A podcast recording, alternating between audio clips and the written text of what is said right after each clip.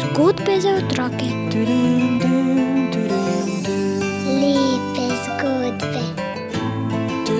Narodne pravljice. Bere nam jih Juri Sešar. Lepo pozdravljeni.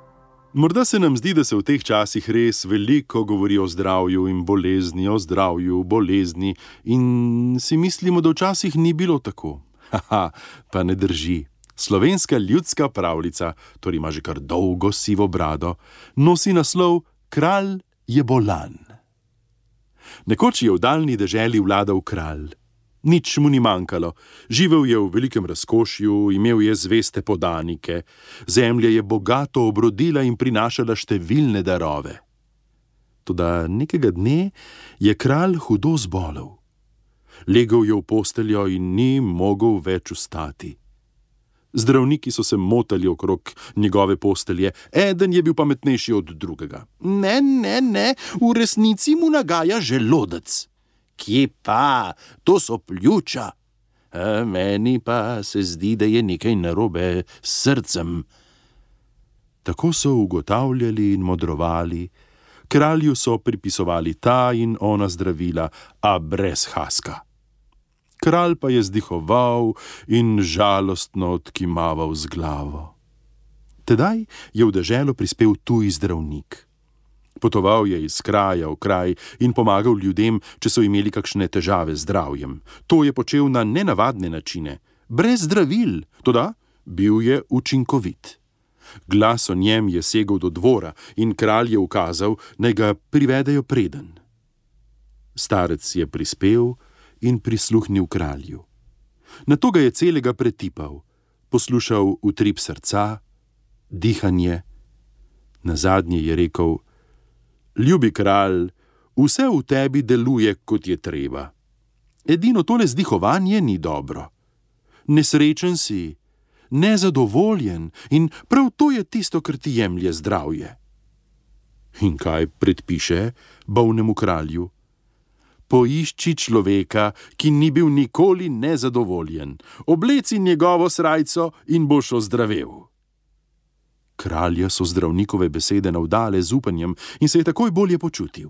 Poslal je svoje podanike naj najdejo takega človeka, zdravnika pa je bogato nagradil in hvaležno odslovil. Kraljevi sli so preiskali vso deželo. Takega človeka niso našli. Ne. Šli so v sosednje dežele, tudi tam ni bilo nikogar, ki ni bil nikdar nezadovoljen. Na zadnje, devet dni hoda iz kraljestva prispejo v tujo deželo. Jezdijo po polju in nenadoma zagledajo pod drevesom spati bosega in raztrganega človeka, ki se nasmiha v spanju. Ta bo pravi, saj se smehlja celo med spanjem. Zbudijo ga in možakar jih z nasmehom pozdravi. Povej nam, človek, si srečen? Sem. Ja, kaj bi ne bil, jim odvrne mož. Srečen sem, drevo mi daje senco, ptice mi pojejo, nič mi ne manjka, nič.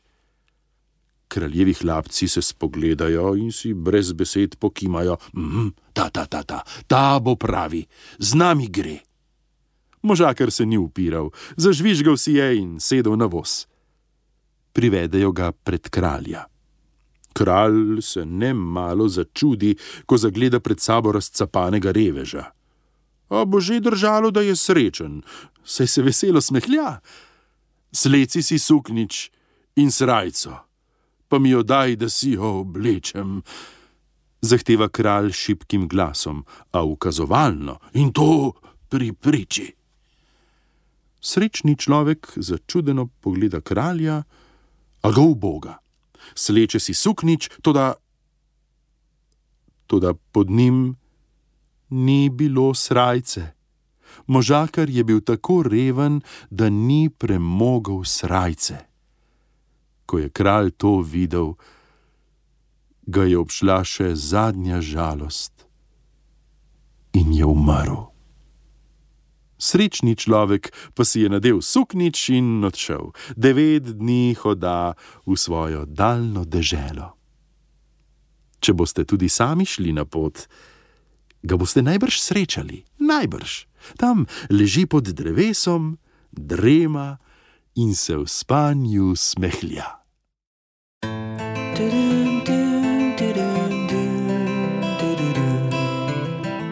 Zgodbe za otroke.